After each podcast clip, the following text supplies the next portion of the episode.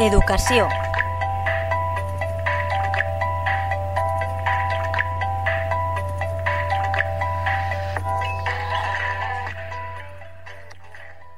Buenas tardes amigos de la Tegua Radio.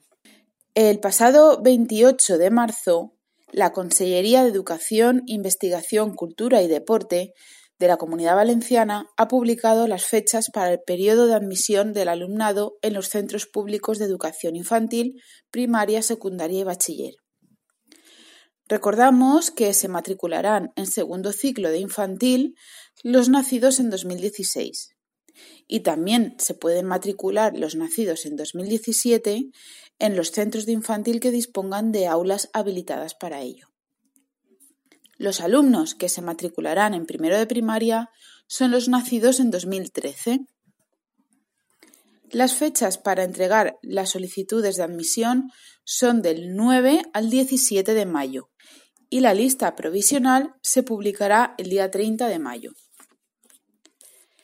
El periodo para poder hacer reclamaciones será desde esta fecha hasta el 3 de junio y posteriormente saldrán las listas definitivas que están previstas para el día 12 de junio.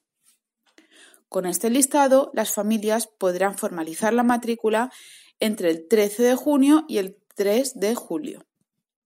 En caso de empate a puntos, la letra O marcará el desempate.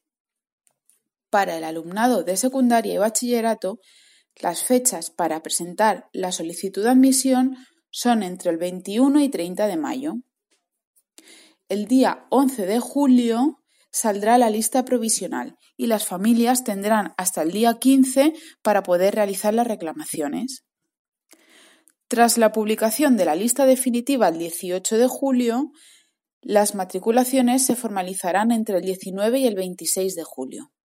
Con cualquier duda, las familias pueden acudir a su centro educativo más cercano donde se les informará de todo detalladamente.